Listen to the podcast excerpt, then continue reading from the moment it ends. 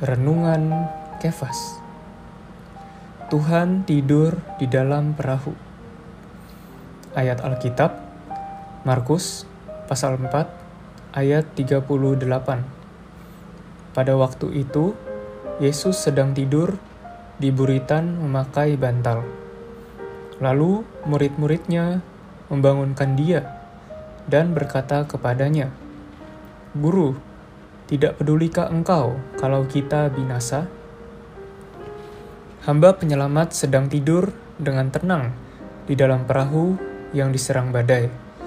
Sementara murid-murid sangat ketakutan karenanya.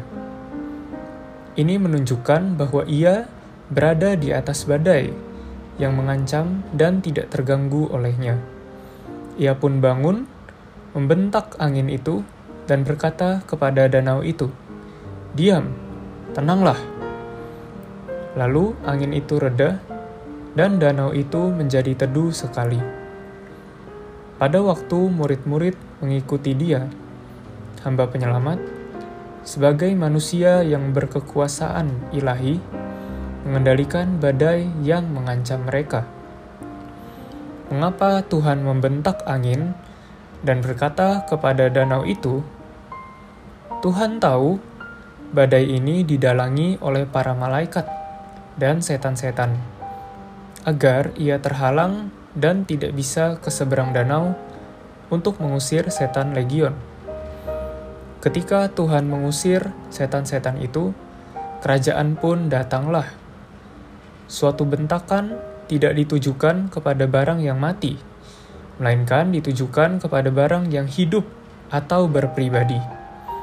Hamba penyelamat membentak angin dan memberi perintah kepada danau itu supaya tenang. Karena di udara, angin, ada malaikat-malaikat yang jatuh milik iblis. Dan di dalam laut ada setan-setan. Para malaikat yang telah jatuh di udara dan setan-setan di dalam air bekerja sama untuk menghambat hamba penyelamat agar tidak bisa ke seberang danau itu, karena mereka tahu bahwa ia akan mengusir setan-setan di sana.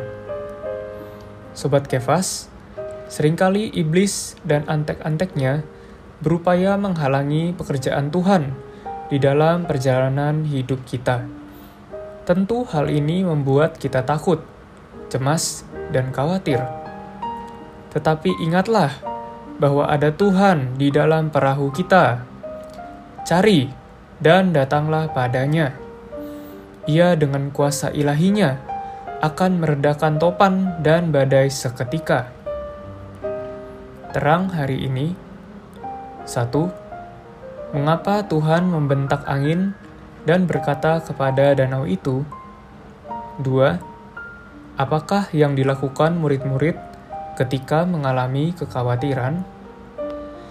Poin doa: berdoa agar hamba penyelamat, sebagai manusia yang berkekuasaan ilahi, mengendalikan badai di dalam kehidupan kita.